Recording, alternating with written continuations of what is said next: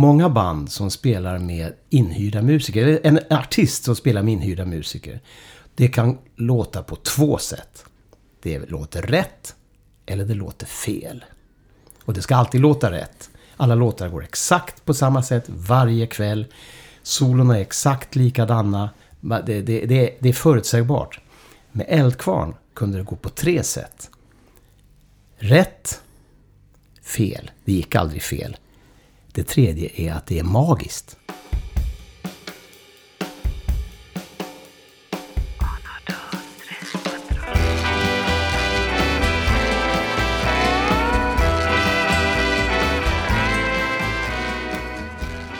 Men du, när, när du nu spelar in sen. Ja. Du, du kan klippa sen om man plötsligt börjar hosta och sådär.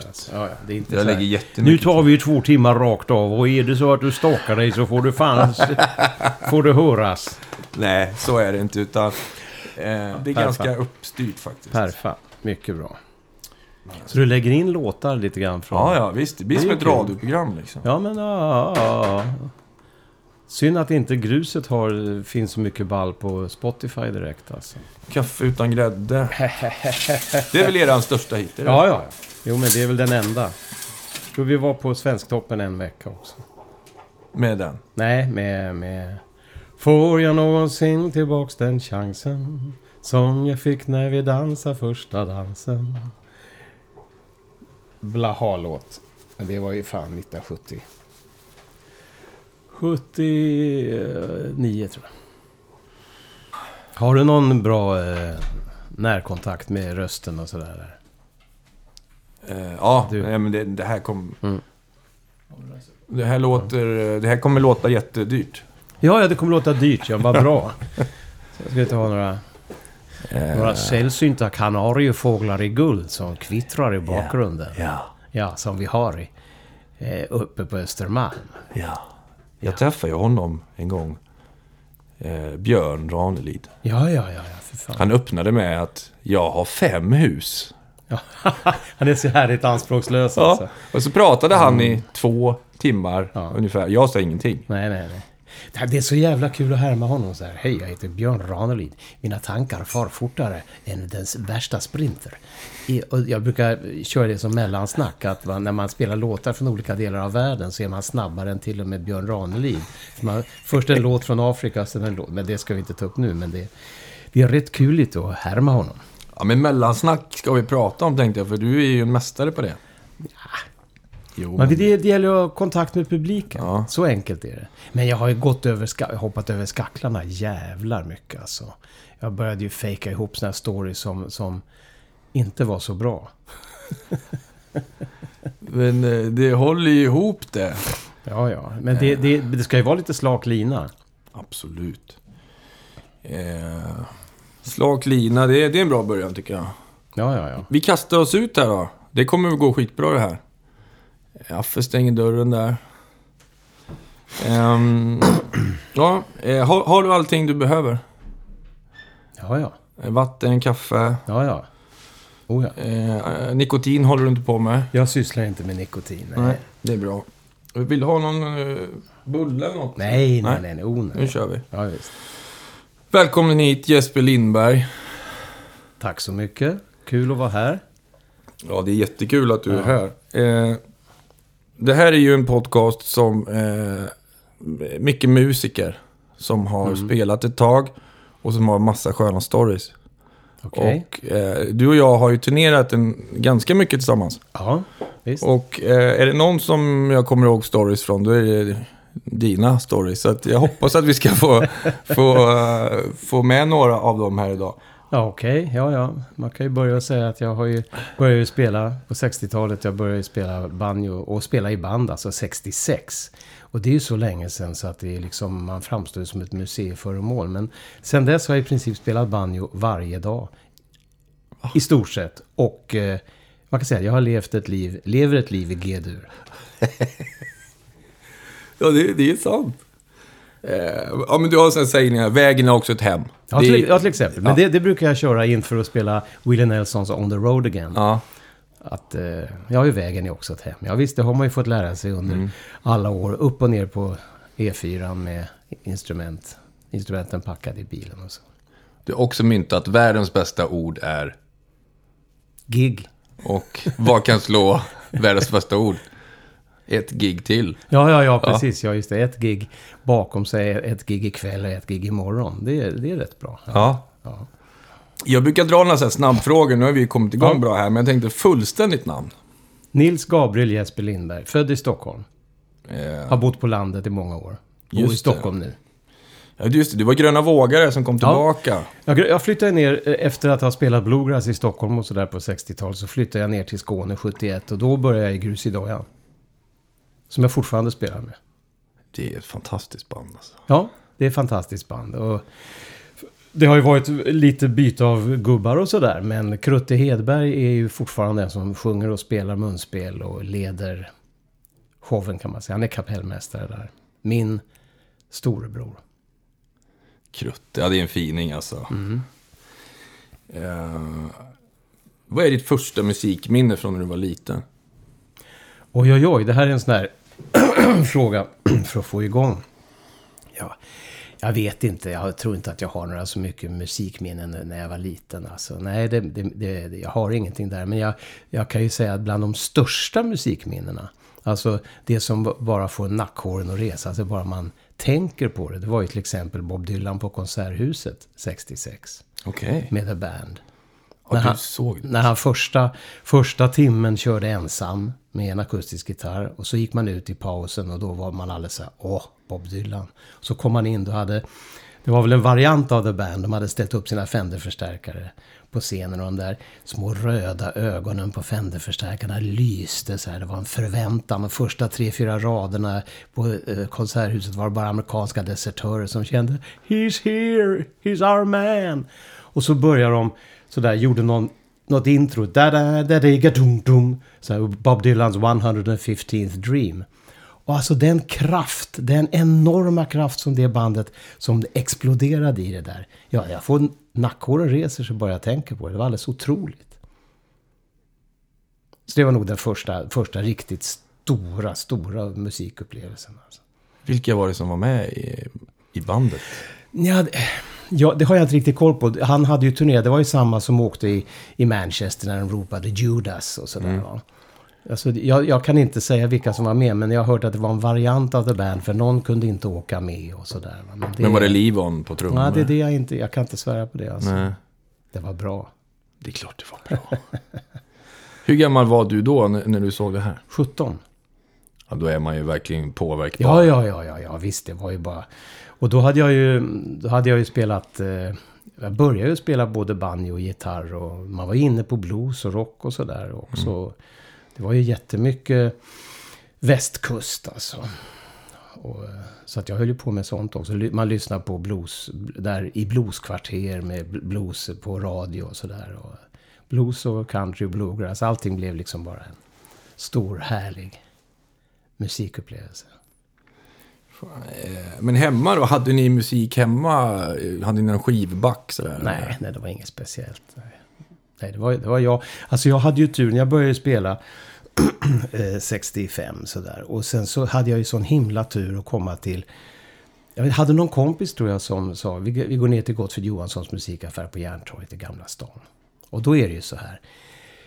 I New York var ju Easy Young på Folklore Center. Det var ju den stora träffpunkten. Och i Stockholm var det Gottfrid Johanssons efterträdare, musikaffären på, på Järntorget, som var träffpunkt för alla som sysslade med amerikansk musik. Folkmusik, det var också jazz. Och, och bluegrass och blues och allting. Så där hängde man ju. Det var som en fritidsgård. Man var ju där varje dag efter plugget.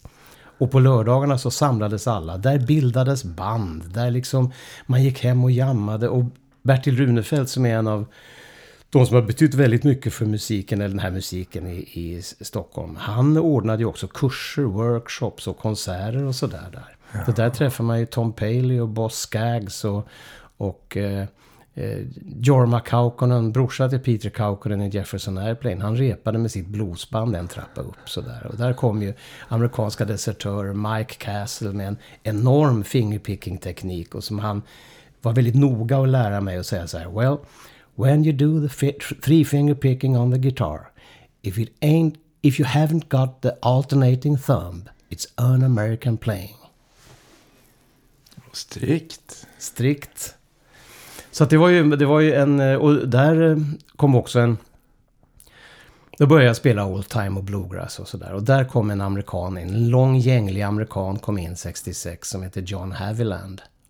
Som var en, han pluggade i Sverige i två år. Och vi bildade snabbt ett band som heter Blue Stomping Grasspickers. Som hette de första bluegrassbanden i Stockholm. Han var en enormt bra banjospelare alltså. Och vi, vi hade mycket gig. Och vi, det var också så att vi hade... På torsdagskvällar så hade vi alltså country och bluegrass och folkmusikkvällar på, på Vispråmen Storken varje torsdag. Så då var vi husband. Och presenterade andra artister. Och eh, vi repade jämt för vi skulle ju ha nya låtar varje vecka. Alltså. Ja, vad kul. Ja, Och då började du pilla med banjon. Men du spelar ju också eh, pedal steel och lap steel och, och mandolin. Ja. Lite dobro ja, ja. ja. och gitarr. Ja, nej men alltså jag, jag skulle göra en eh, soloplatta 75. Som var country, som hette, med ett band som jag hade då som hette Hounds of Heaven. Och då skulle det vara pedal steel på den. Och då så hade jag inte börjat spela pedal steel än. Och då ringde jag till Janne Lindgren. Så då bodde jag i Skåne. Så att han kom ner och, och la pedal steel. Och då tänkte jag, där pedal steel, alltså änglarna spelar inte harpa. De spelar pedal steel. Så jag åkte och köpte en... Jag hade en kompis som hade en Chevrolet Camaro. Så vi åkte iväg till Hässleholm till någon som byggde pedal steels. Och så köpte jag en pedal steel där. Så 75-76 började jag spela pedal steel. Och för att jag menar, det var så... Det är ett fantastiskt instrument med klanger och allting. Så att det, det, jag älskar det instrumentet. Och det har jag spelat också sedan dess. Men det är ganska svårt att lära sig, säger de som... Ja, men det beror ju på alltså. Om man vistas i den amerikanska harmoniska världen som är countrymusik. Där det inte är så förskräckligt många ackord. Och som Bengan Blomgren säger, inga ackord med, med staket. Utan det är liksom rena klanger. Om man tänker klanger så är det inte så svårt. Om man tänker vilka ackord som hör ihop i olika tonarter. Men om man ska spela kromatiska skalor, då är det ju hopplöst. Då är det bara sådär, några få som kan det. Men om man bara ska lägga klanger, då, är, då, då funkar det rätt lätt att lära sig. Men det är ju sådär, man har ju alla fötterna och knäna är ju igång alltså. Mm. Med pedaler. Men det, det, alltså det kräver lite träning, men det, om, man inne, om, man inne, om man förstår den amerikanska musiken så är det inte så knepigt. Nej.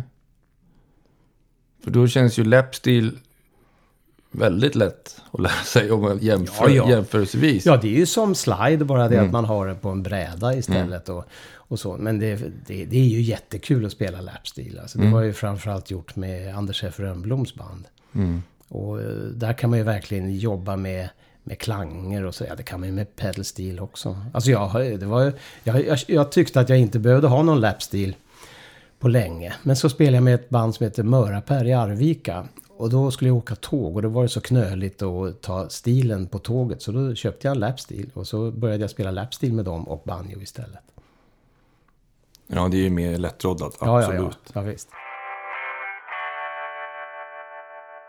Vilken var den första skivan du köpte? Kommer du ihåg det? Det var väl...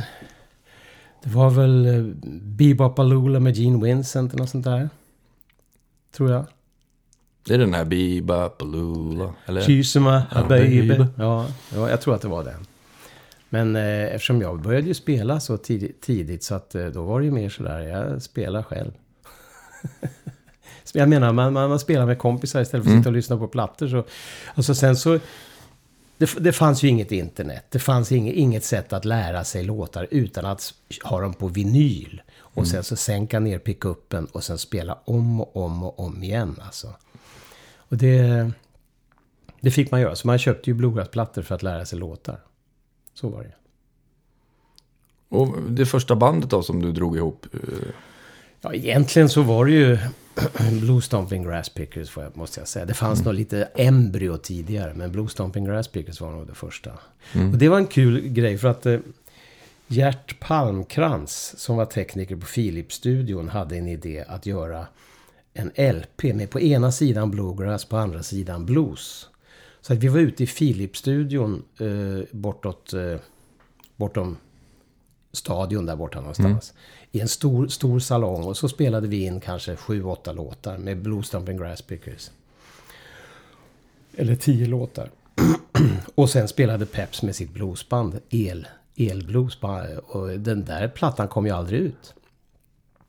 Men den finns? Ja, då. Gert Palmkrantz har ju den. Så jag har ju fått kopior på de här inspelningarna vi gjorde. Och det var ju, det var ju jävligt kul alltså. Men det var 60, 67. Måste det ha varit. Så då kunde din skivdebut varit 67, 68? Ja, fast den kom ju inte ut. Nej. Nej, så att det blev ju lite senare. För jag tittar på Wikipedia, då står det att 1970 så är det en skiva som du är med på. I alla fall, som, som är släppt. Rune Andersson, Andersson Road. Ja.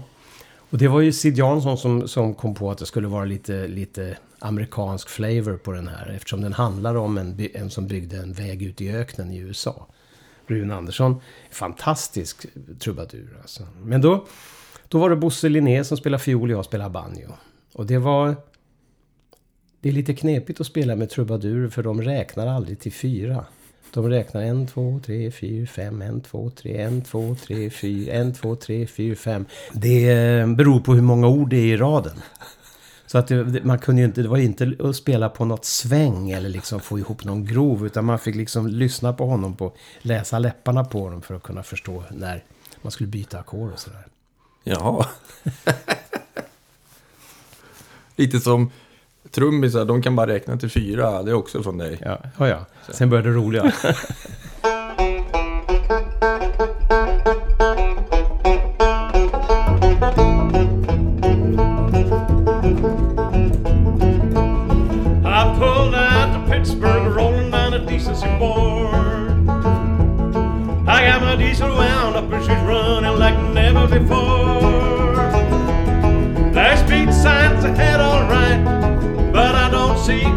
cop inside.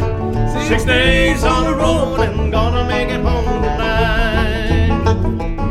Well, the ICC is checking on down the line. I'm a little overweight and my log is three days behind.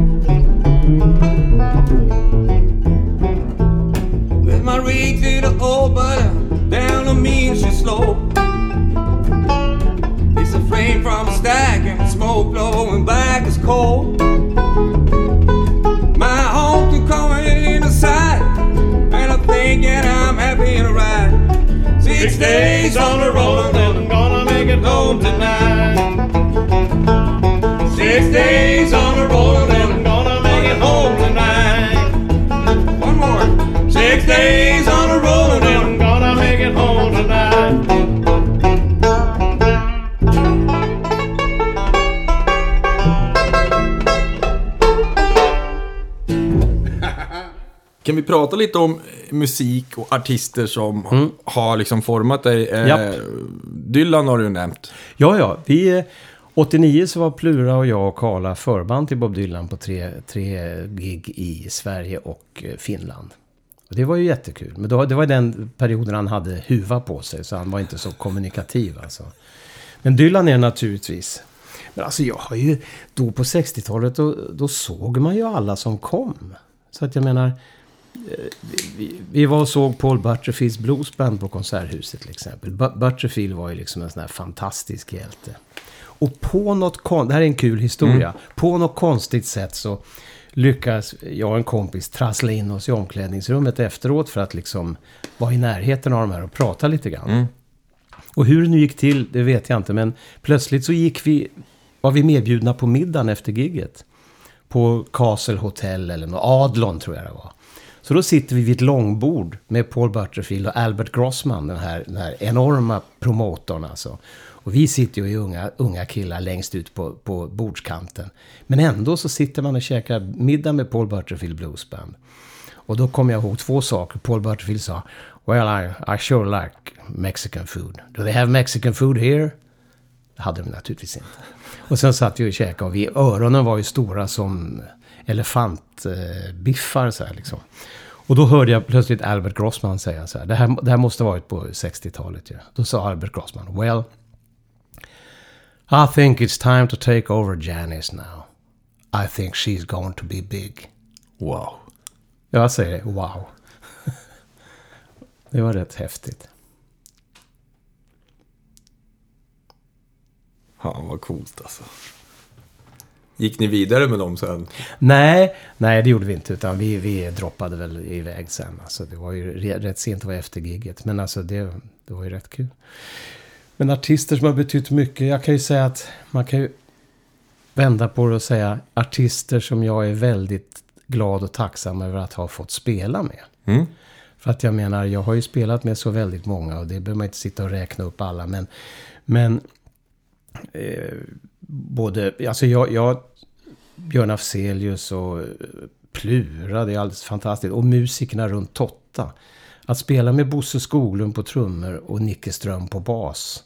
Då, är- då känner man så här, jaha, nu kan jag klippa liksom strängarna av mina instrument för nu har man gjort det roligaste som finns. Va, ungefär. Det var alldeles fantastiskt. Ja just det, ni gjorde någon grej. Är det I Strömstad va? Ja, vi, vi spelade där flera, flera somrar och sen åkte vi till Key West också.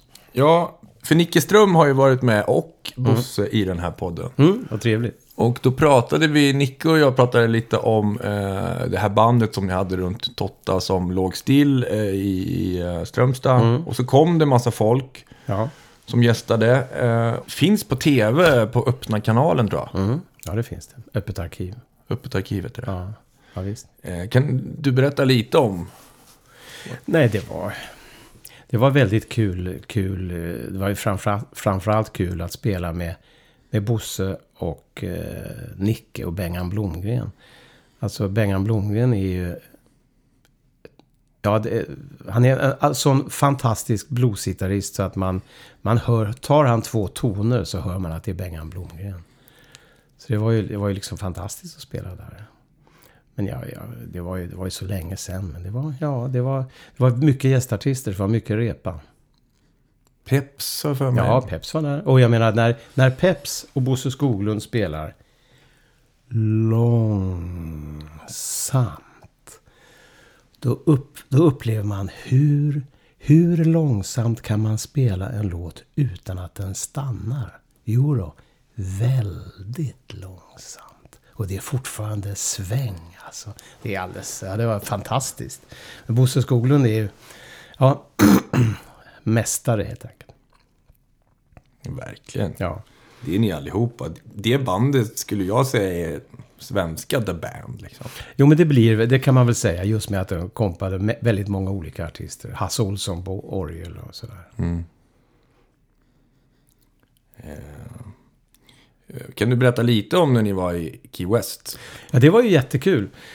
Nicke är en väldigt, eh, en organisatör och han, han, vi hade, han hyrde villor där vi bodde och vi spelade på Sloppy Joe's, det stora stället. Alltså, det där, där var det ju så här att det var eh, en trubadur som körde från klockan 10 till klockan 2.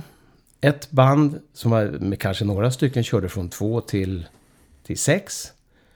Och sen så, vet jag fan hur det var, men vi spelade väl från 8 till 12 varje kväll i alla fall. Och det gällde att ha många låtar på, på låtlistan alltså.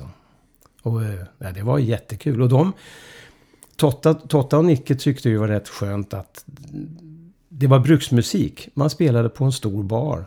Och de dansade och, och liksom tyckte det var svängigt och, och kul. Va? Det var inte så att de, någon stod och tittade på Totta, vem, så här, the big, den stora bluessångaren från Sverige. Utan det var bara en, en sångare helt enkelt. Men det var jättebra. Men berättade Nicke när de var med Tottas bluesband och spelade eh, på bluesklubbar i USA? Eh, Jag tog upp det. För att det var ju den här... de, de spelade på en, en eh, helt förfärgad alltså bluesklubb i Chicago. De var bara ja, Southside Chicago. Och då så kommer de in på scenen. Där har Bengan berättat. Och så kommer Totta fram till mikrofonen och säger Hello! We're gonna teach you how to play the blues.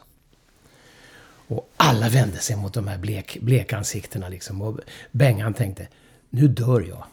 Så nu måste jag se efter en nödutgång från scenen här. Sådär. Men så började de ju spela. Och det, det, var, ju, det var ju fantastiskt. Efter, efter eh, en halv låt så var ju alla igång. Alltså det var ju en enorm succé. We're gonna teach you how to play the blues. De blev bjudna på allting i baren efter. Ja. Så Nicke. Men, ja, fy fan, det är ju... Men eh, Sloppy Joes är ju ett klassiskt ställe. Ja, ja visst. Nej, det är roligt att, att ha gjort. Men jag menar, eh, som Keith säger, när han är på ett gig. I'm happy to be here, I'm happy to be anywhere.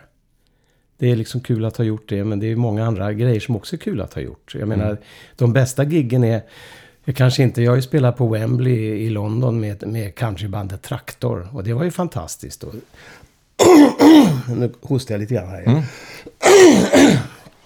Det var ju, det var ju fantastiskt att träffa Emmylou Harris och sådär. Men alltså, det är precis, det är lika häftigt med små gig. Där man kommer nära publiken. Som att spela på helt akustiskt med ett litet band som jag spelar med som heter Elderly Street Singers. Vi orkar inte bära grejer, vi spelar på gatorna eller helt akustiskt på små ställen. Som, nu har vi spelat några gånger och ska spela snart igen nästa vecka på eh, en charkuteriaffär som heter Lennart och Bror på eh, Birger Jarlsgatan. Då sitter man uppe i ett kaklat fönster, inga mickar och ser en 30-40 personer. Det är också häftigt. Ja. Närkontakt. Så att det, det, det, det, det är ju inte så att man vet att, att eh, stora gig är stora upplevelser. Det kan också vara mycket bök. Ja, men Wembley och vårt förband till Dylan är ju, det är ju sånt som de flesta musiker skulle vilja göra. Eller? Ja, ja visst. Nej, men det är ju roligt att, att ha gjort. Det är det ju verkligen. Jag har en fantastisk karriär bakom mig. Den pågår väl, hoppas jag. Ja, jag spelar ju med en hel del band nu också. Men, inte, men alltså, det är ju så här också att jag turnerar ju inte lika mycket som, som man gjort förut. Och då tänkte jag så här att jag måste ha projekt. Och då eh, är det här att eh, spela in små videofilmer med olika musikanter som jag känner. Det är ett sätt att liksom göra enkel, med, med nästan en iPhone, bara, bara spela in och, och lägga ut på YouTube. Där ligger ju nu en serie filmer som heter Banjo Duets. Hashtag 1, 2, 3, 4, 5, 6, 7, 14 är uppe nu tror jag. Det blir snart fler. Vi ska göra en idag. Ja, perfekt. Jättekul.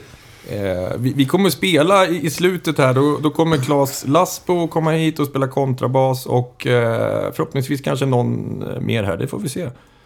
Men eh, vi snackar vidare. Ehm, jag har för mig att eh, det finns en skiva som är släppt på 70-talet som heter Festen på Gärdet. Mm. Och där spelar du. Ja, visst. Var det på Festen på Gärdet eller var hette skivan det?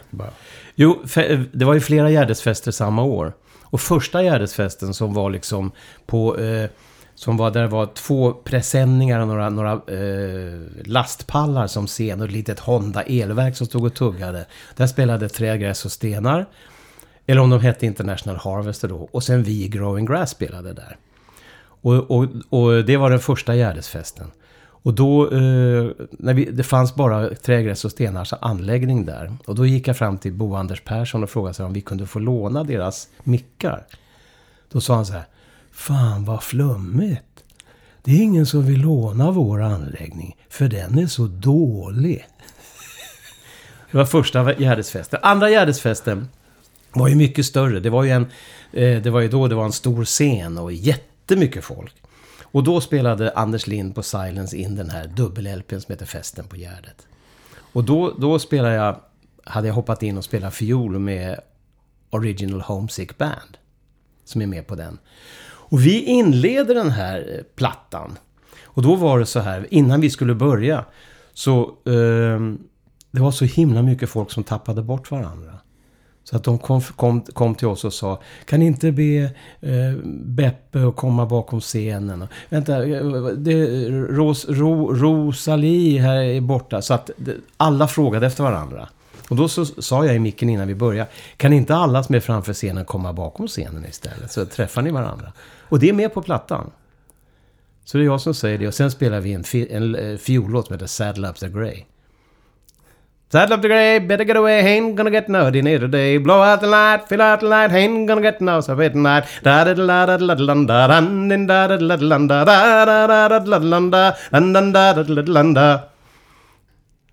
Ja, det är så fett alltså.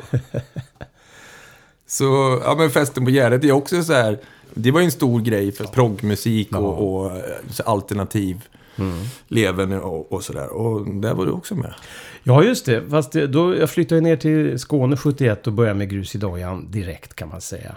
Ja. Och vi slog ju igenom efter att vi varit med i något tv-program och vi gjorde en platta som heter Grus i dojan spelar Hullimullan. Jag tror att vi gjorde den 71, ja. Och den sålde silver, den var, väldigt stort genomslag just för att vi hade gjort eh, tv. Och där var det ju blanda folkmusik, bluegrass och tidig rock och sådär. Med akustiska instrument och spelade alldeles för fort. Så att det blev ett jäkla drag helt enkelt. Och ehm, sen, så gick det ju väldigt bra för Grus i dojan. Men vi spelade alltså i proggsammanhang. Vi spelade på folkfester. På massor med ställen i Sverige. Det blev alltid långdans när vi spelade. Men sen var vi ju liksom illa sedda av, av prog, den renläriga proggrörelsen. För vi hade ju inga politiska texter i våra låtar. Så vi fick aldrig något bidrag, kulturbidrag eller någonting sånt där. Och efter några år så började vi spela mycket i folkparkerna. Och då tyckte de, eh, proggvärlden tyckte att vi var liksom, hade sålt ut och var folkparksartister i princip.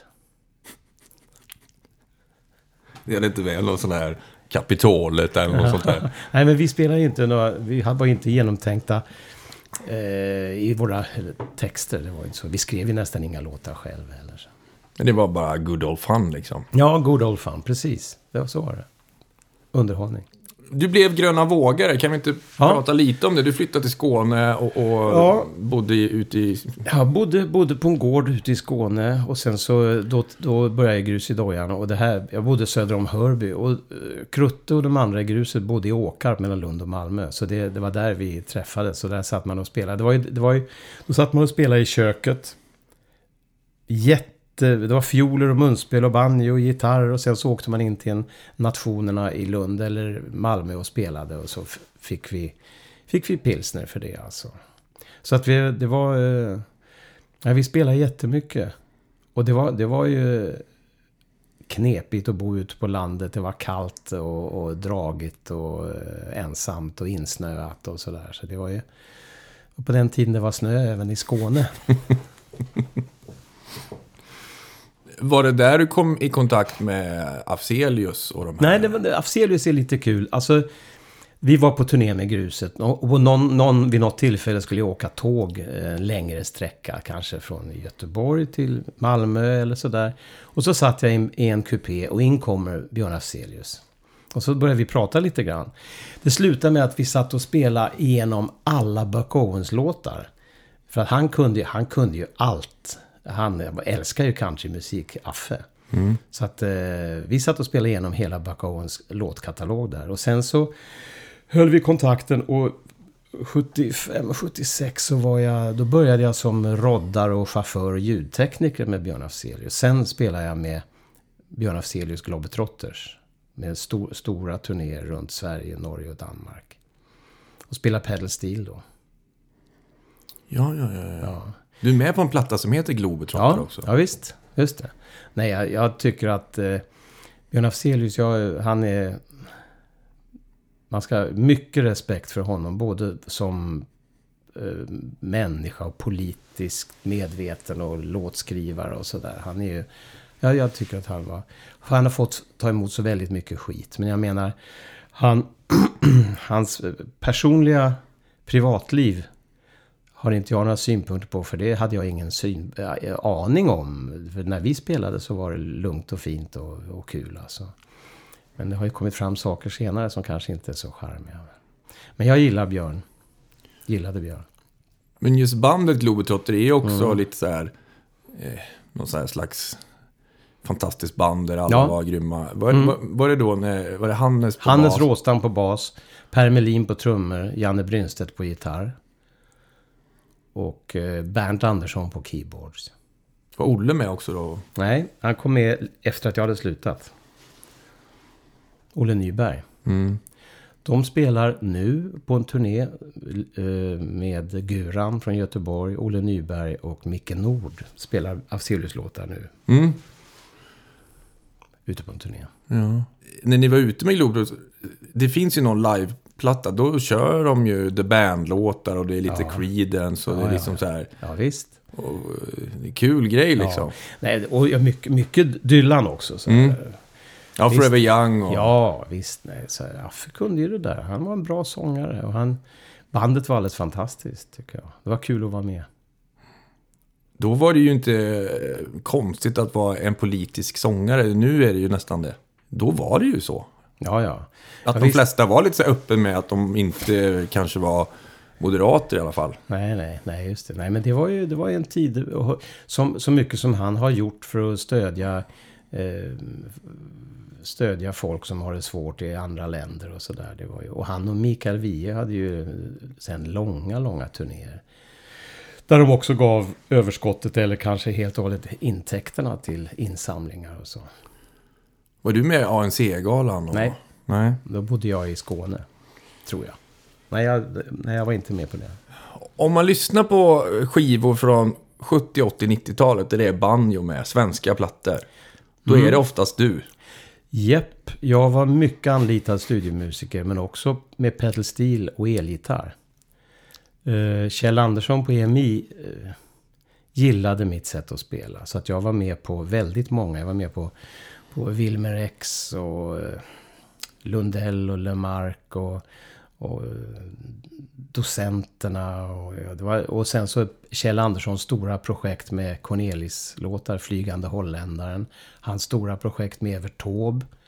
Som är fantastiska boxar alltså. Ja, så, jag ja. var, så att jag var, var med en hel del där. Och det var jättekul. Och med Magnus Johansson också, icke att förglömma. Den här sångaren som eh, lärare i Norrköping som inte ville turnera. Som gjorde flera, en lång rad fantastiska plattor. Är det Anneli och, Ja, jag är vakna nu Anneli. Just det. eh, och Magnell också. Magnell också. Ja, visst, oh ja. Eh, den skivan, eh, Nya Perspektiv. Ja, det var nog det första studio, studiojobb jag fick. I Atlantis-studion på Karlbergsvägen så skulle det vara banjo på Nya Perspektiv. Och det var 1975 redan. Det är då först då som saker börjar hända. Och det är då som du kan börja skönja nya perspektiv.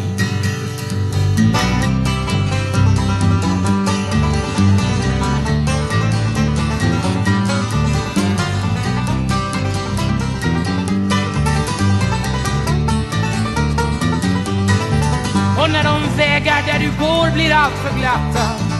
Sen du lockats ut på livets hala is. När du känner att din tanke börjar fatta Att du aldrig kommer till något paradis. När du inte längre känner dig så säker På att Vänern inte flyter till Paris.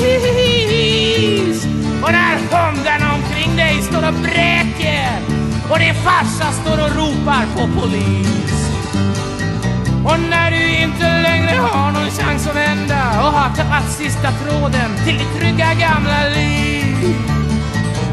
Det är då först då som saker börjar hända och det är då som du kan börja skönja nya perspektiv.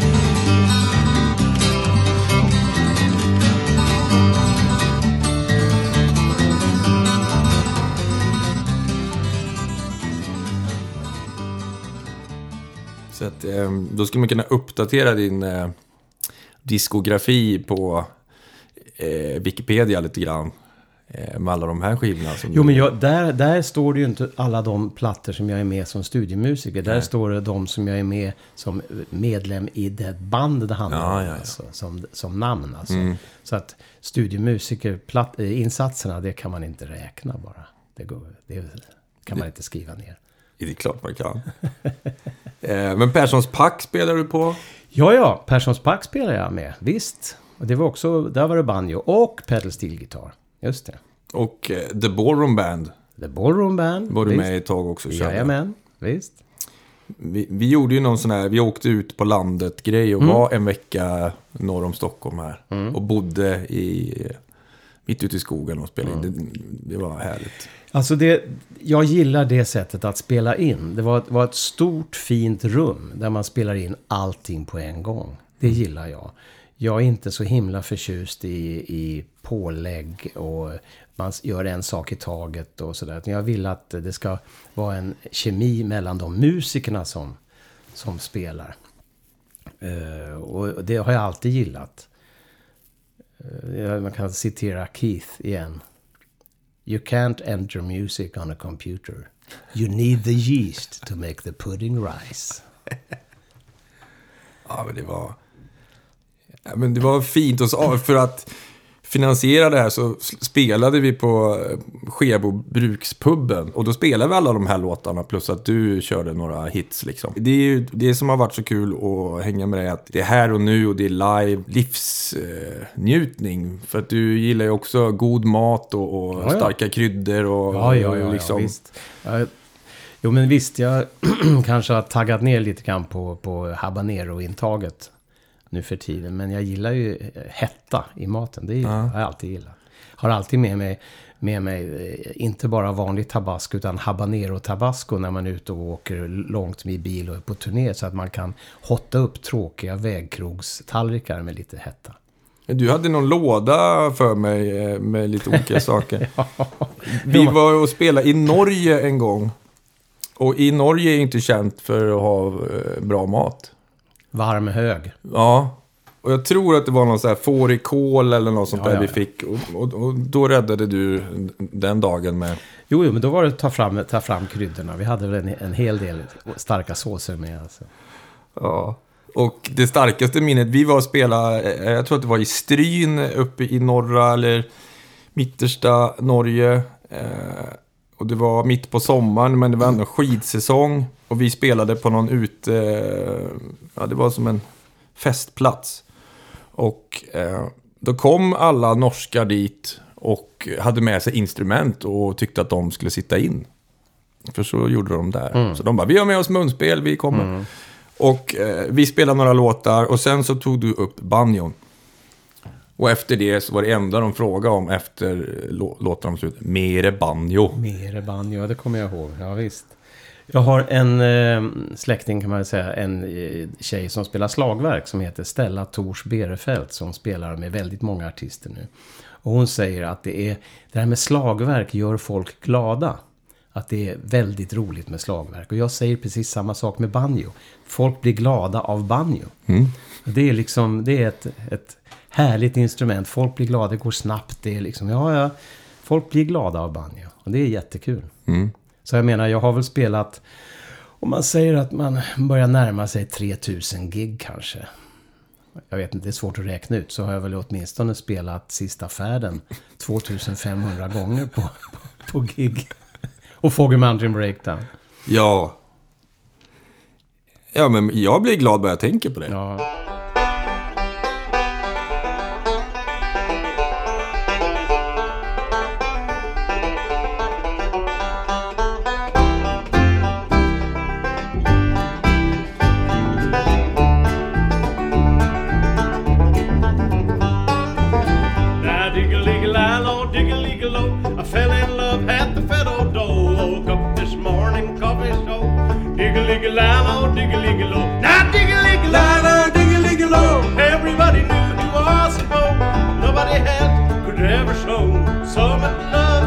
alegre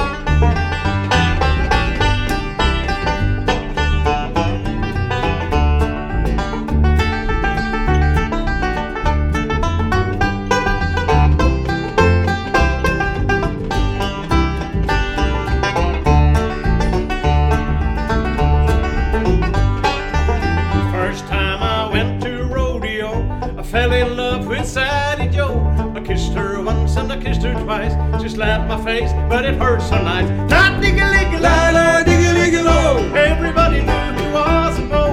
Nobody had could ever show so much love for digga ligga low.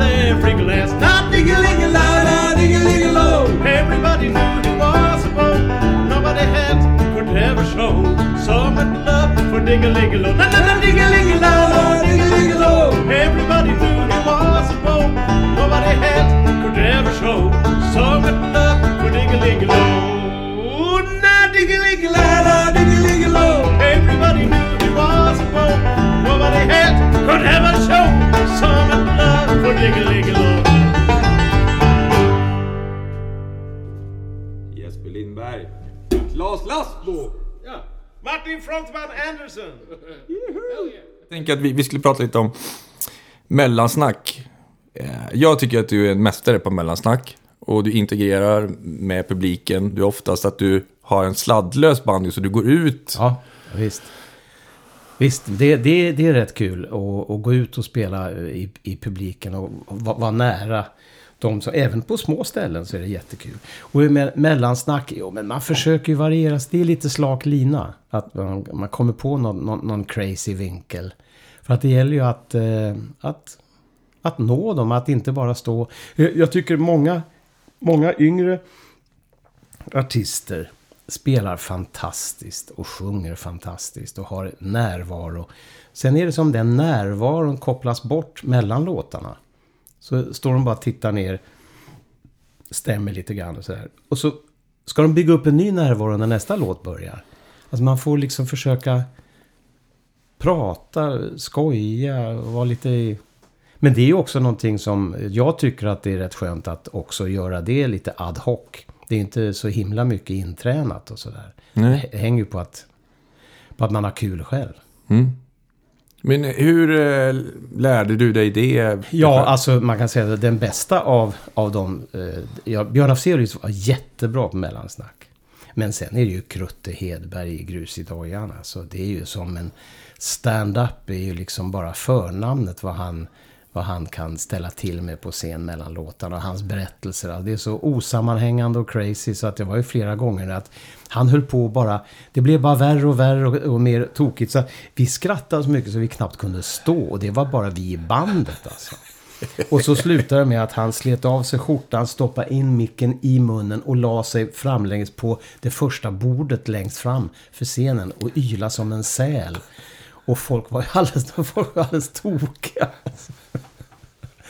Nej men alltså har man spelat med Krutte så, så eh, har man fått in, blir man inspirerad vad man kan prata om mellan låtarna. Det var väl ganska eh, rock, rock'n'roll att åka med grus i dojan? Ja, alltså det var ju, det var ju inte bara. Det var ju också så att vi spelade mycket för pensionärer och vi spelade gammeldansgig och vi spelade på föreningar och sådär. Så att det var ju, det var ju rockklubbar kan man inte säga att vi har spelat så Nej. mycket på. Men alltså det... Jag tänker mer livsstilen. För Ja. många som inte spelar frågar ju ofta så här, ja ah, men vad är det värsta du har gjort eh, på en turné liksom? Och jag har ju aldrig slängt ut någon tv eller Nej, nej, liksom. nej, nej, nej, nej, nej, nej. Men det där, det där är väl eh, riktiga rockmusiker som sysslar med det. Vi som spelar country och folkmusik håller väl inte på på det sättet kan jag tänka. Men det var ingenting sånt som hände med gruser? Alltså det var inga Nej, nej. galna fester eller? Nej, men det, nej, alltså ja, fester var det väl kanske, men, men eh, ingenting speciellt. Alltså det var... Nej, det, det kan, jag inte, kan jag inte påminna mig egentligen. Nej. Det var också rätt länge sedan. Ja. Om jag tänker milstolpar då? Mm. Eh, några inspelningar sådär som du kan eh, plocka ut som har betytt mycket för dig? Liksom. Ja... Jag, det är svårt att komma ihåg kanske, men alltså jag har ju gjort en hel del med, eh, som sagt, med Kjell Andersson. En kul grej när vi skulle spela in med Magnus, eh, Magnus Johansson. Och det var ett jättebra band, Magnus Lind på dragspel. Han som kallades Myrdal på trummor. Vad han nu, jag kommer inte ihåg. Backa-Hans på kontrabas. Och i ett rum med världens... Eh, alla spelar väldigt starkt och sådär. Och så skulle vi spela en låt. Och Kjell Andersson tyckte inte att det där, det, det blev ingenting. Han tyckte, ja, ja, nej, vi lägger ner det här. Jag åker och köper plattor. Så han, han lämnade inspelningen där på Palandergatan i EMI-studion och åkte iväg. Men vi fortsatte. Och så hittade vi en grov och då spelade vi in eh, Vakna nu, Anneli. Som är en fantastisk låt och den ligger på YouTube. Så den, den är jättekul att höra. Och Backa Hans Eriksson spelar bassaxofon och bas och sådär. Och jag spelar banjo och mandolin. Sen när han kom tillbaka då så blev han ju lite förvånad, Kjell Andersson, att det hade blivit en inspelning. Det var ju kul. Så ni nötte in det? Ja, ja, ja, vi nötte in det alltså. Ja, annars inspelningar... Jag vet inte, jag, jag kan nog inte komma på någon...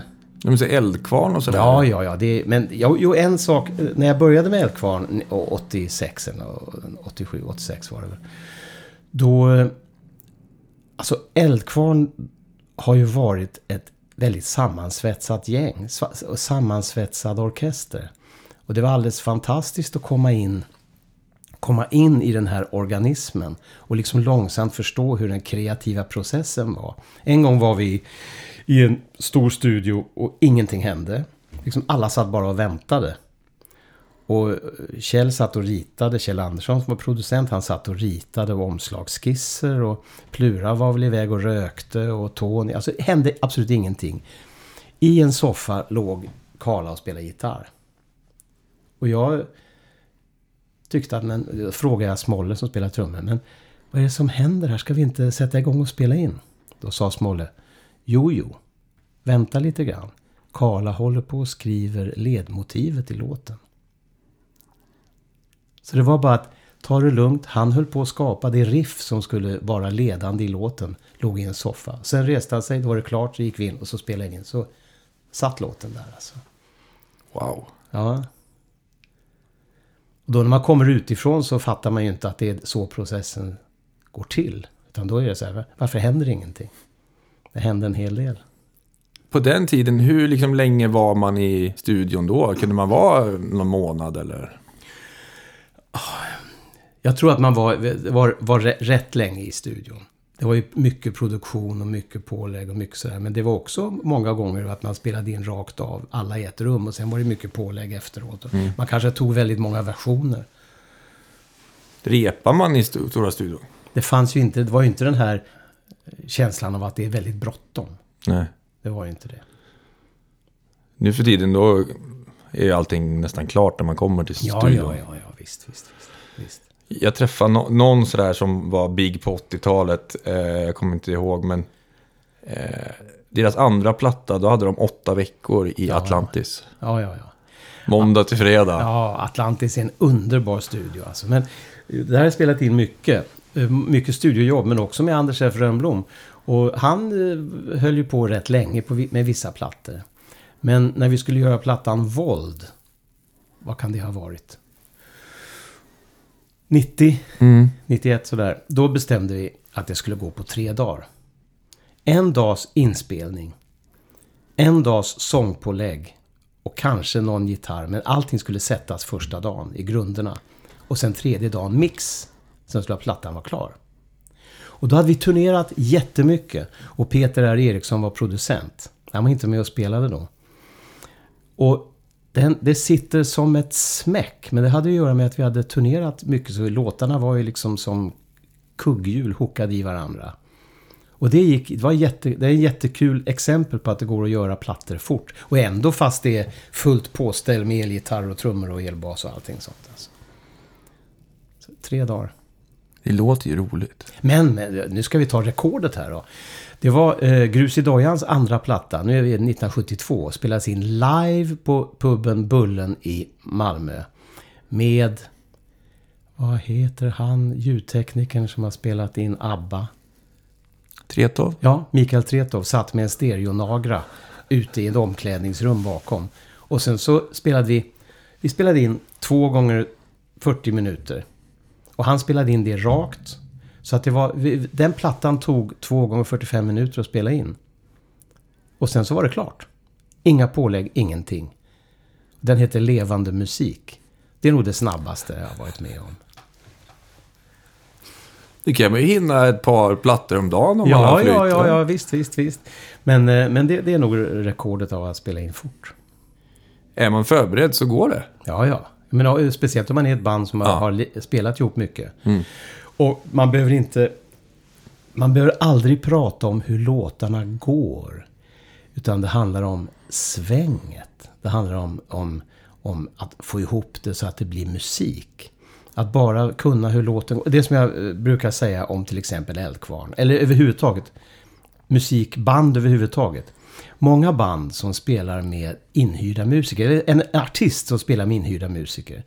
Det kan låta på två sätt. Det låter rätt eller det låter fel. Och det ska alltid låta rätt. Alla låtar går exakt på samma sätt varje kväll.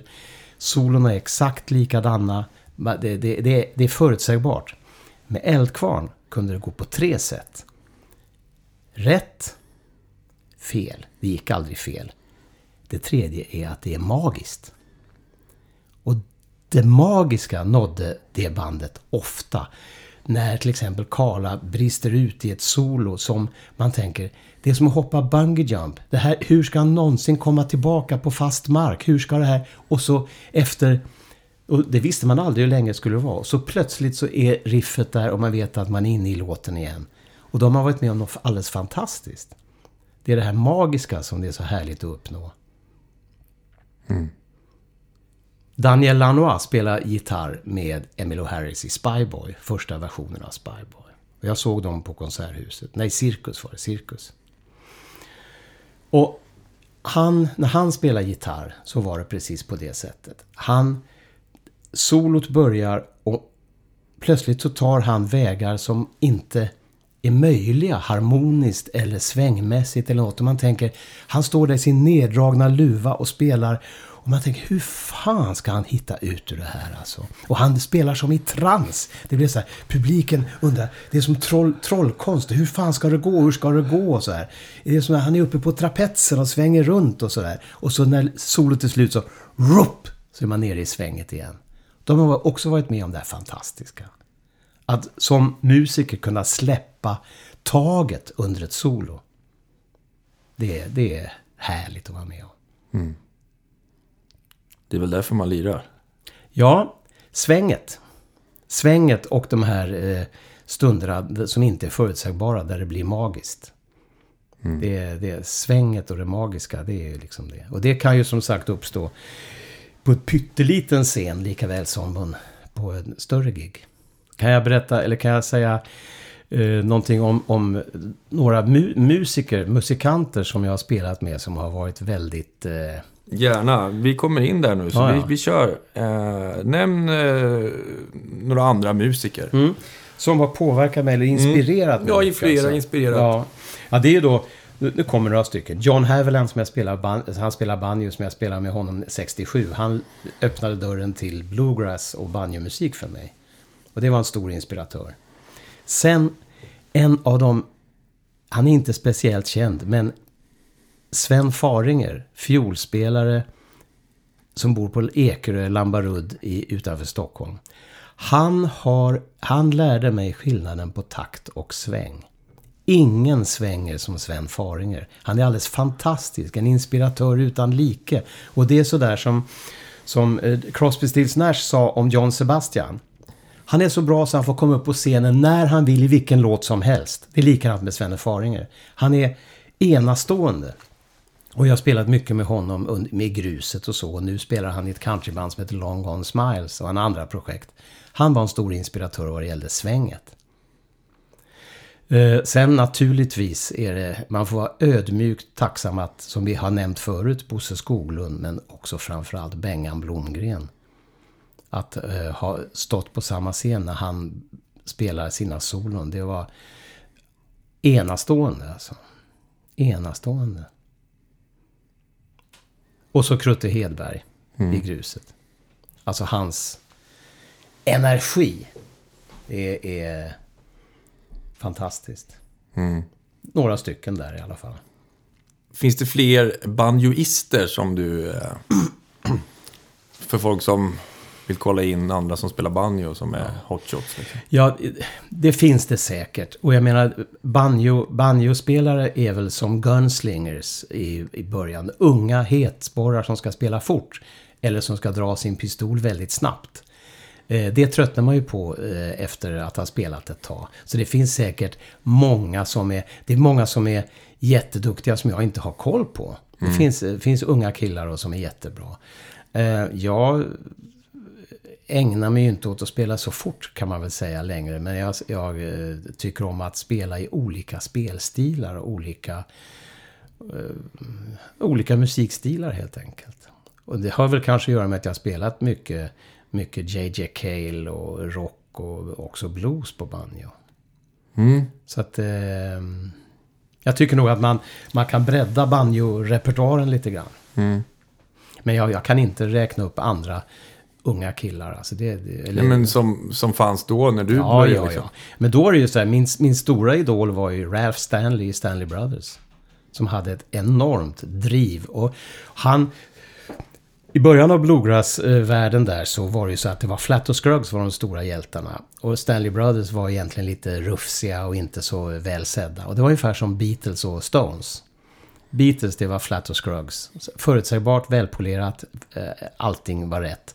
Men det här Stanley Brothers, det var, de kom från bergen och det var liksom tuffare. Och det gillade jag väldigt mycket. Ralph Stanley hade en enorm drag i sitt banjospel. Också i sången. Det är han som sjunger i filmen Oh Brother. Where art thou? Den här Oh death, oh death, won't you spare me Hour till another year? Det är Ralph Stanley där på slutet där. Ja, ja, ja. Den filmen fick ju nästan alla i hela världen att tycka om som musik. Ja, ja visst, visst, visst. Det var ju, det var ju en milstolpe. Ja, visst. Eh, det måste nästan vara den största hitskivan som är, finns där ute som eh, alla kan relatera ja. till. Ja, just det. I am a man of constant sorrow I've seen trouble all my days Ja, men den har man ju stått och Ja. nött på några gånger. Ja, ja, visst. visst. Kanske ska köra den sen. Vi får se. Oh, Kentucky.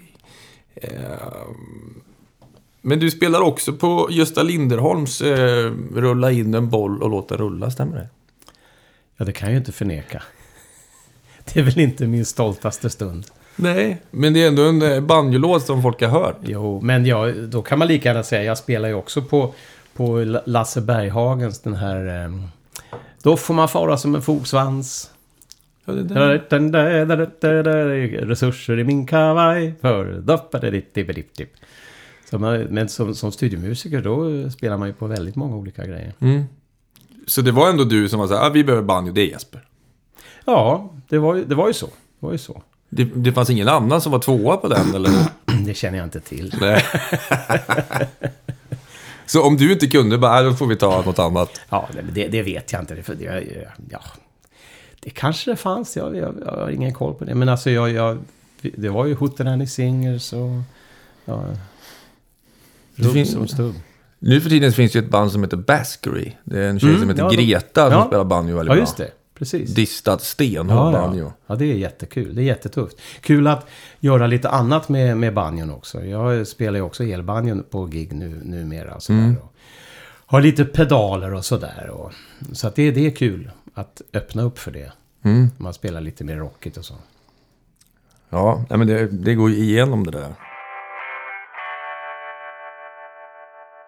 Kan vi prata om lite turnéer sådär? En turné som jag är väldigt eh, nyfiken på, en är som ni gjorde med Eldkvarn som hette eh, Cirkus Broadway. Ja, ja.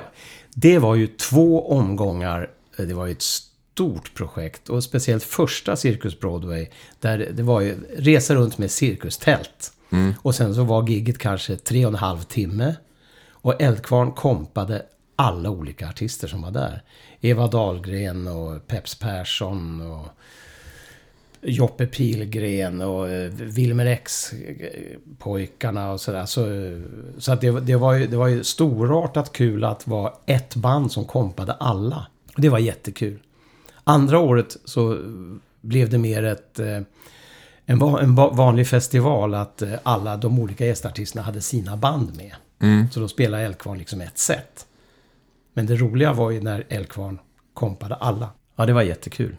Men det blir ju mer, det blir en feeling för då är man ju kvar på scenen och det kommer in nya med ny energi och ny eh, input. Och Pugg och eh, alltså, att spela Här kommer natten med Karlas elgitarr-solot eh, med Pugg där är ju alldeles fantastiskt. Och Tåström.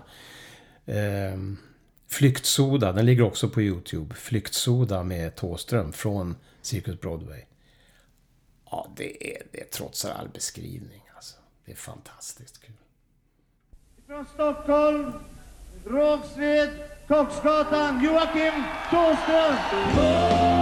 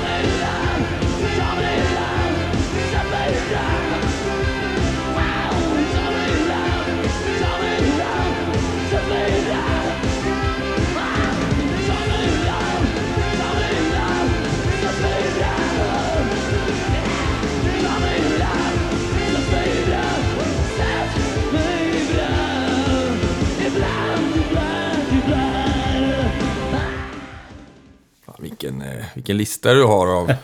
Det är, Ja, men det är så. Har man hållit på så länge som jag så blir det ju så. Eh, att man har gjort en hel del. Det är ju, det ja, blir ju så. men du har ändå hållit dig på, på den nivån i alla år. Det är ju det som är... Tycker man om att spela så... eh, Så det är ju grunden att man... Att, eh, att det är roligt. Och att... Jag menar, när, när jag spelar hemma så är det ju så här efter... Man spelar i 20 minuter kanske. Sen börjar fingrarna hitta saker och ting som man inte visste att man kunde. Så att det, det är liksom att man kommer in i ett flow. Så det gäller ju att spela mycket. Ja, spela för livet. Spela för livet, jättebra låt av Peps. Mm. Ja, fantastiskt bra låt. Jag kan säga, det låter ju faktiskt som att jag... Att vi bara sitter och minns här. Men jag höll ju faktiskt på med en... Jag gjorde någon sammanställning för ett gig här och då kom jag på, vad spelar jag med nu? Mm. Och då är det så att jag spelar med... Jag spelar i Cecilia Torngrens band. Som är, kan man säga, en kabaré och jazzsångerska som är fantastisk. Har en fantastisk närvaro och gör konserter på till exempel Scalateatern och Boulevardteatern och Teater Lederman och sådär. Och då brukar det vara Claes von Heine från Älvkvarn på piano och så spelar jag banjo och pedal steel. Och ofta är Olle Steinholtz med på bas och Erik Fridell på dragspel. Helt annorlunda musik. Det är liksom inte... Det är någon enstaka Dylan och så, men det kan lika gärna vara Edith Piaf och Josephine Baker och sådär. Det är väldigt spännande musik och det är helt nytt för mig alltså. Och sen så har jag ett litet band som jag är med i som heter Magic Tabasco String Band. Som akustiskt som blandar swing, alltså Django Reinhardt-grejer med bluegrass. Det spelar vi på i pubbar och Gamla stan och sådär.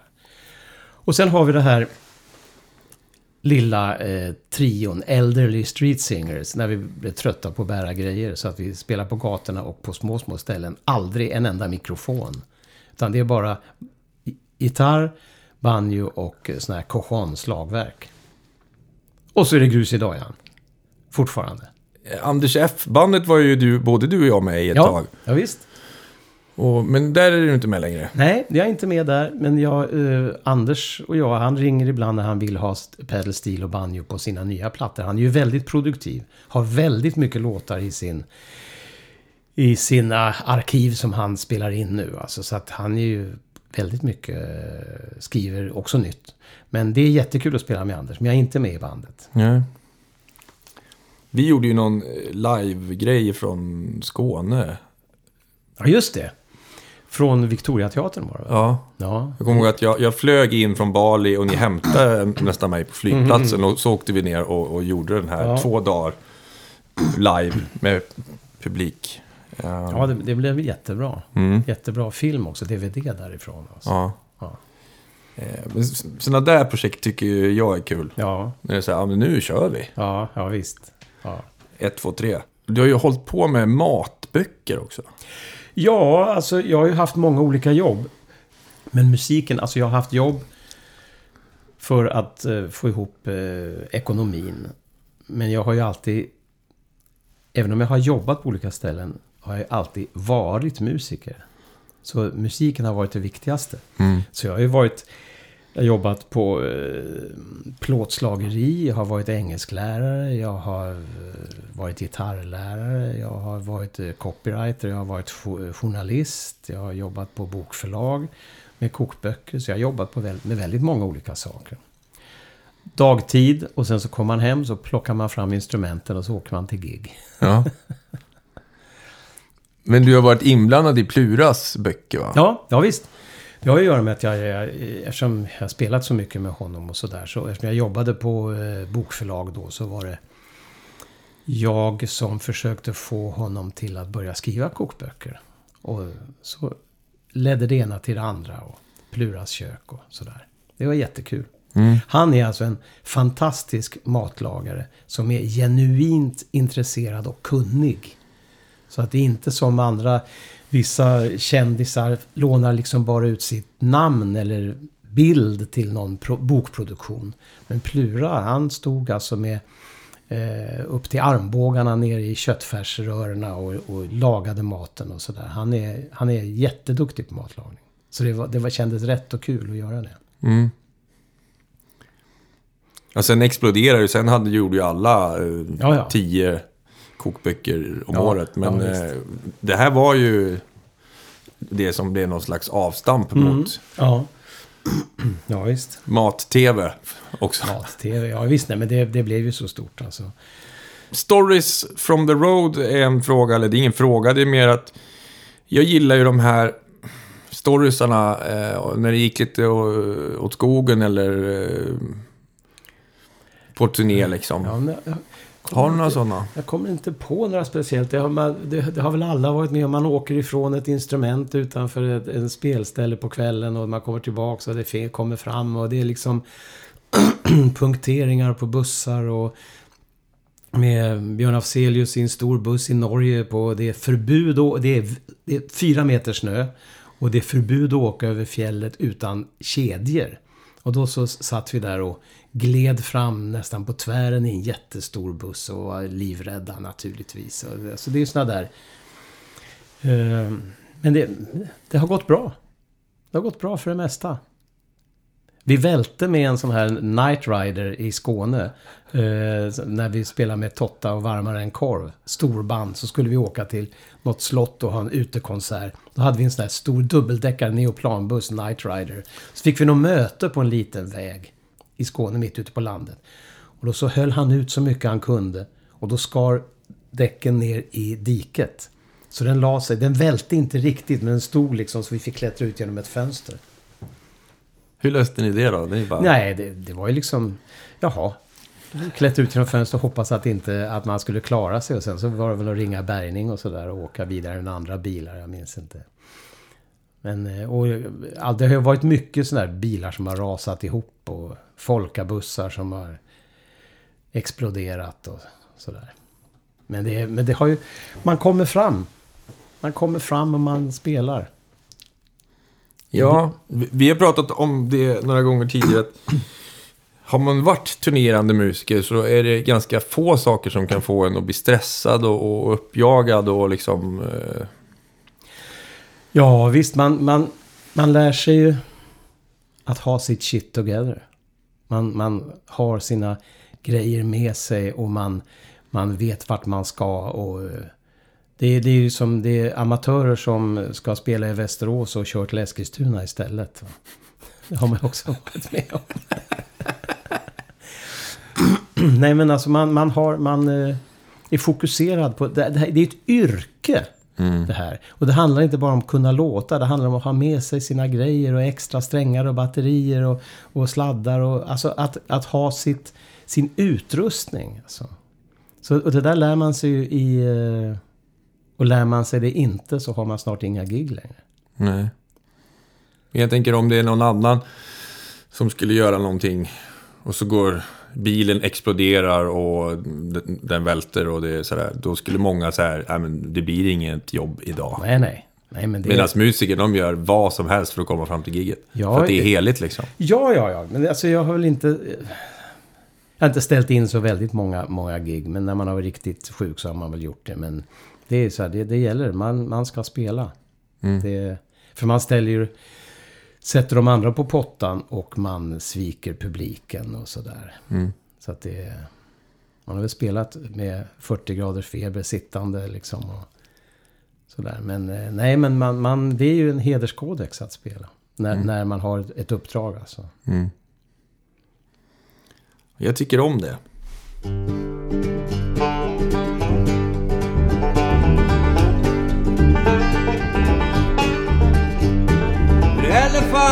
Dansar över rosornas bädd och dansen varit vild och exalterad.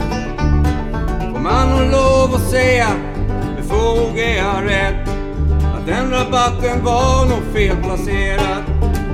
Som en ros i barmen, fatt du med? Som en nål i armen, fatt du med? När rosor börjar dansa, då är djävulen lös. För han tycker om att rosor beskåda. Och han sporrar dig så lustigt till stordåd min tös. När ni hetsar upp varandra, ni båda. Som en blues på kvällen, fatt du med? Som en natt i cellen, fatt du med?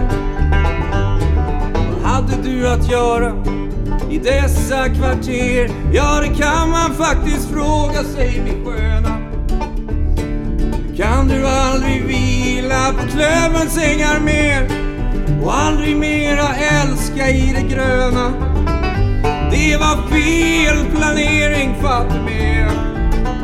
Som en överdosering, fattar med? Och jag minns när du var liten, ja du var så söt och snäll. Tänker mest på heroinet. Bland santa elefanter är du en bagatell. Men tänk dig också torka väck flinet. Som när kriget sköt sig, fatt du med? Som när farmor snöt sig, fatt du med?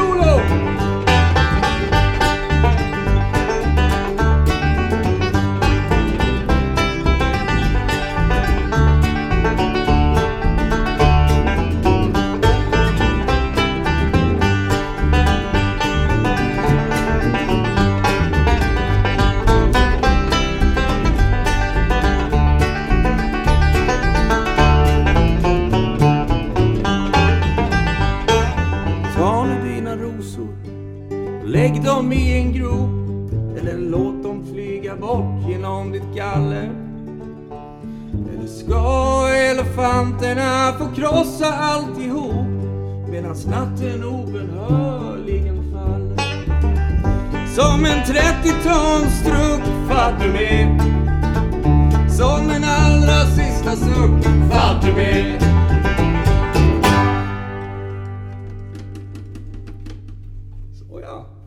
med? Så ja. That was a take. Det var sitt take. Tack.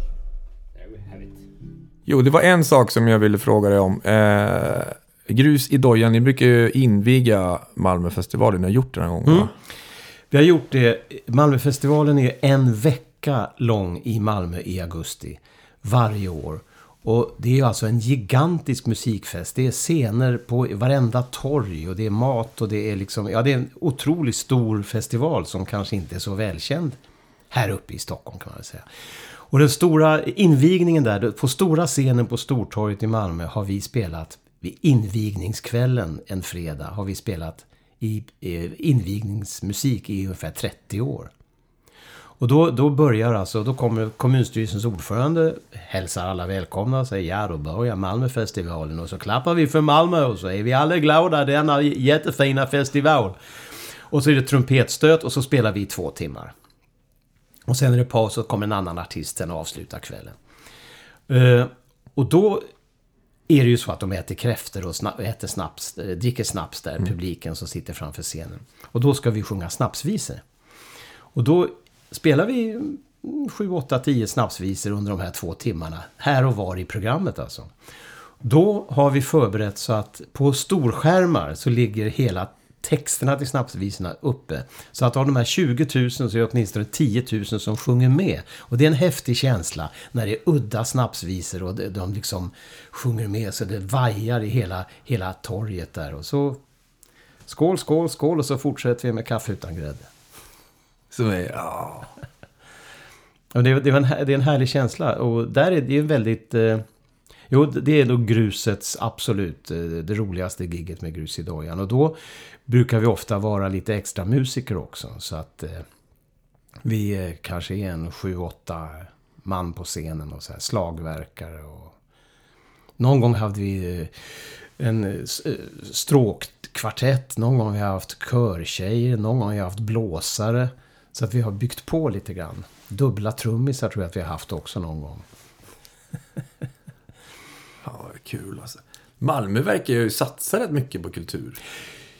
Ja, det är jag fel person att ut, yttra mig om. Men alltså det, det är, ma- man kan ju säga då, på 70-talet så var ju Malmö en återvändsgränd, en nedläggningshotad stad där Kockums skulle lägga ner, det fanns, varvet skulle försvinna, man fick en villa för en spottstyver. Sen vände allting. Bron, kontakten med Danmark, högskolan. Så att nu är det ju en kokande eh, kulturstad ska man väl säga med fantastiskt många fina restauranger och mycket band och sådär. Eh, Så att... eh, Ja, det, det, det har utvecklats jättemycket. Men där har vi ju spelat mycket med gruset eftersom gruset har sina rötter i Åkarp i Malmö. Eh, I Malmö nu för tiden, ja just det. Mm. Hur viktig är puben Bullen för eh, skån- eller malmöitisk musik? Ja, jag kan nog säga att för malmöitisk musik är den inte viktig längre för nu finns det nya ställen att gå till. Men för eh, musikälskare i mer vuxen ålder som mig till exempel så är det ju en, en träffpunkt med fantastisk husmanskost. Och, och där, jag har ju spelat där ända sedan 70-71 regelbundet och det är jättekul att, att spela där. Och det gör vi också flera gånger om året i Grusidojan. Men jag, jag gillar, Bullen är som, som ett eh, vardagsrum för mig. Precis som eh, Mosebacke etablissemang var det i alla fall i de tidigare ägarna eftersom vi hade spelat där så kopiöst mycket. Och det tredje vardagsrummet som nu är borta är Gottfrid Johanssons musikaffär på Järntorget i Gamla stan. Det är sådana där ställen man alltid kände sig hemmastad. Men viktiga de här träffpunkterna. Ja, visst de är viktiga. Precis. Jag såg något klipp på tv, då pratade Mikael Wiehe om att de hade som sport att hinna till Bullen om, om de hade ett gig i någon annan stad. Ja, Att hinna Ja, dit innan halv ett och ta en öl. Men Bullen var ju liksom eh, väldigt hett på 70-talet och så. Då var det ju träffpunkten för alla och alla som gick på scenskolan och alla musiker och allt det sådär. Det var ju verkligen en träffpunkt och det var ju sådär att med, med um, Hoola Bandoola var ju så här, de, de kom dit och vi gjorde samma sak. Jo, nu kom jag på en rätt kul grej. Tu- Ett turnéminne. Det här är också från 70-talet och det var folkfester i Malmö. Stora folkfester. Och då ska man komma ihåg att på den här tiden så var det en väldig motsättning mellan proggare och raggare. raggarna kunde köra med sina amerikanare rakt in i, i folkmassor nästan och för att splittra upp. De hatade proggare. Då skulle Grus i Dojan spela på en folkfest i Malmö. Och då var vi lite trötta just då på det här att vi skulle vara så trevliga och det skulle vara långdans och det, det skulle vara så hejde, hejde, hejde, hejde. Så att vi klädde ut oss till raggare med brylkräm och spetsiga skor och, och eh, vi, vi såg verkligen helt rågiftiga ut alltså. Och så spelade vi på scenen och folk uppskattade ju det här ändå. För att det, de tyckte det var, det var ju kul. Grus i Dojan ser lite lustigt ut, lustiga ut. Men sen efter gigget då, då tänkte jag, då såg jag Hoola Bandolas buss stod på andra sidan folkmassan. Och då tänkte jag, vi, går och, vi var ju polare så jag, vi går över dit och snackar med dem. Så börjar vi gå genom folkmassan. Långt bort på andra sidan ser Mikael Wiehe tre, fyra raggare som är på väg genom folkmassan för att gå upp i deras buss. Och han tänkte, nu måste jag göra någonting här. Kommer raggare och tränger sig in i våran buss. Så han sprang som en älg alltså för att hinna före och hindra oss att gå in. Så kom han ju på att det var ju vi. Så ni hängde med Hoola Bandoola-gänget också? Ja, ja, det var ju så här. Vi, vi träffades ju och liksom... Mm. Eh, spelade ju inte direkt tillsammans, men vi, vi, vi sågs ju mm. på, på stan och på Bullen och på gig och sådär. Ja. Fanns det fler så här Malmöband då som, som var liksom... Thomas Wiehes första förband och eh, Fjällis naturligtvis. Den fantastiska gitarristen. Eh, som hade olika band och sådär. Men... Eh, ja, det, alltså, det skulle du fråga Peter Clemensson som från Hola som spelar gitarr i gruset. Han skulle kunna berätta om alla olika popband och bluesband och sådär. Men det har jag lite dålig koll på. Mm. Uh, vi, vi, vi lirade hela tiden och sen så var vi åkare och sen var jag ute på mitt hus på landet. Saknar du att bo på landet? Nej, jag har gjort det. Så det, det, jag har gjort det så att det räcker. Jag har på somrarna, eller stor del av sommaren, så är jag på Öland på landet. Vi har ett ställe där som är jättefint, som jag trivs väldigt bra att vara där. Och jag har också gig på Öland med, med lokala musiker där. Både studiogig och livegig. Så att jag spelar där nere då på sommarhalvåret kan man säga. Ja, ja, ja. Men annars så är jag, jag är på, från söder, så jag är nöjd med att bo i Stockholm. Mm. Du har gjort ett radioprogram som heter Countryfeber. ja, med Thomas Blom. Hur många avsnitt var det? Det måste ha varit eh, eh i början på 90-talet. Mm. Så gick vi igenom hela countrymusikens historia. Thomas Blom och jag. Och vi eh, skrev ner och förberedde. Och så kanske det var 20 minuter, en halvtimme och det var säkert 7-8 program. Jag vet inte hur mycket det var. Men det var jättekul att få liksom eh, se till att man inte glömde bort viktiga trender och viktiga artister och sådär. Så spelade vi deras låtar och pratade. Ja, det var jättekul. Och det var ju en otippad grej, så att säga. Det var kul. Ja, men det är, jag måste ju lyssna på dem där nu. Ja, om de finns. Jag vet inte. SR Play kanske. Kanske. Ja. Countryfeber. ja. Men... Eh, ja, vi har ju pratat vad du gör nu, men framåt då? Vad, vad skulle du vilja göra liksom? Ja, alltså det som, jag, som är närmast nu är ju att eh, fortsätta de här projekten med Banjo Duets. Och jag har nu, nu, precis idag ligger alltså 14 filmer på YouTube. Och jag har säkert minst 10, en lista i huvudet på minst 10 nya samarbeten som jag skulle vilja göra. Där man spräcker upp artister. Det är ju inte bara country, det ska ju vara liksom både jazz och, och olika instrument. Och. Alltså jag känner ju så väldigt många, så jag vill gärna liksom göra så många som möjligt av det. Och sen är det ju naturligtvis att eh, eh, jag eh, vill gärna avsluta en banjoplatta. Jag har gjort en platta som heter Banjoism. Jag håller på med en ny som åtminstone ska bli klar i vår hoppas jag. Och sen så håller vi på med någon video till en låt som jag inte tycker ska falla i glömska. En banjolåt som jag har skrivit. Och så att det, det är lite så här styckevis. Jag har inga, inga egentliga drömmar att eh, förverkliga. Jag har ju liksom, kan man säga, gjort det mesta. Mm, Men, verkligen. men, men jag, det är ju inte så att jag är färdig på något som helst sätt. Nej. Utan jag fortsätter att spela. Och fortsätter att skriva banjolåtar. Ja, det är så härligt alltså. Är det någonting som jag har glömt att fråga dig? Jag kommer väl inte på det just nu, men det dyker väl, så, dyker väl upp naturligtvis så fort man har stängt av mikrofonen. Ja, ja, men då sätter vi på igen. Tack så hemskt mycket för att du kom hit idag, Jesper Lindberg. Ja, det var jättekul att prata. Tack frontman. Tack frontman. Stor applåd. Tack, tack.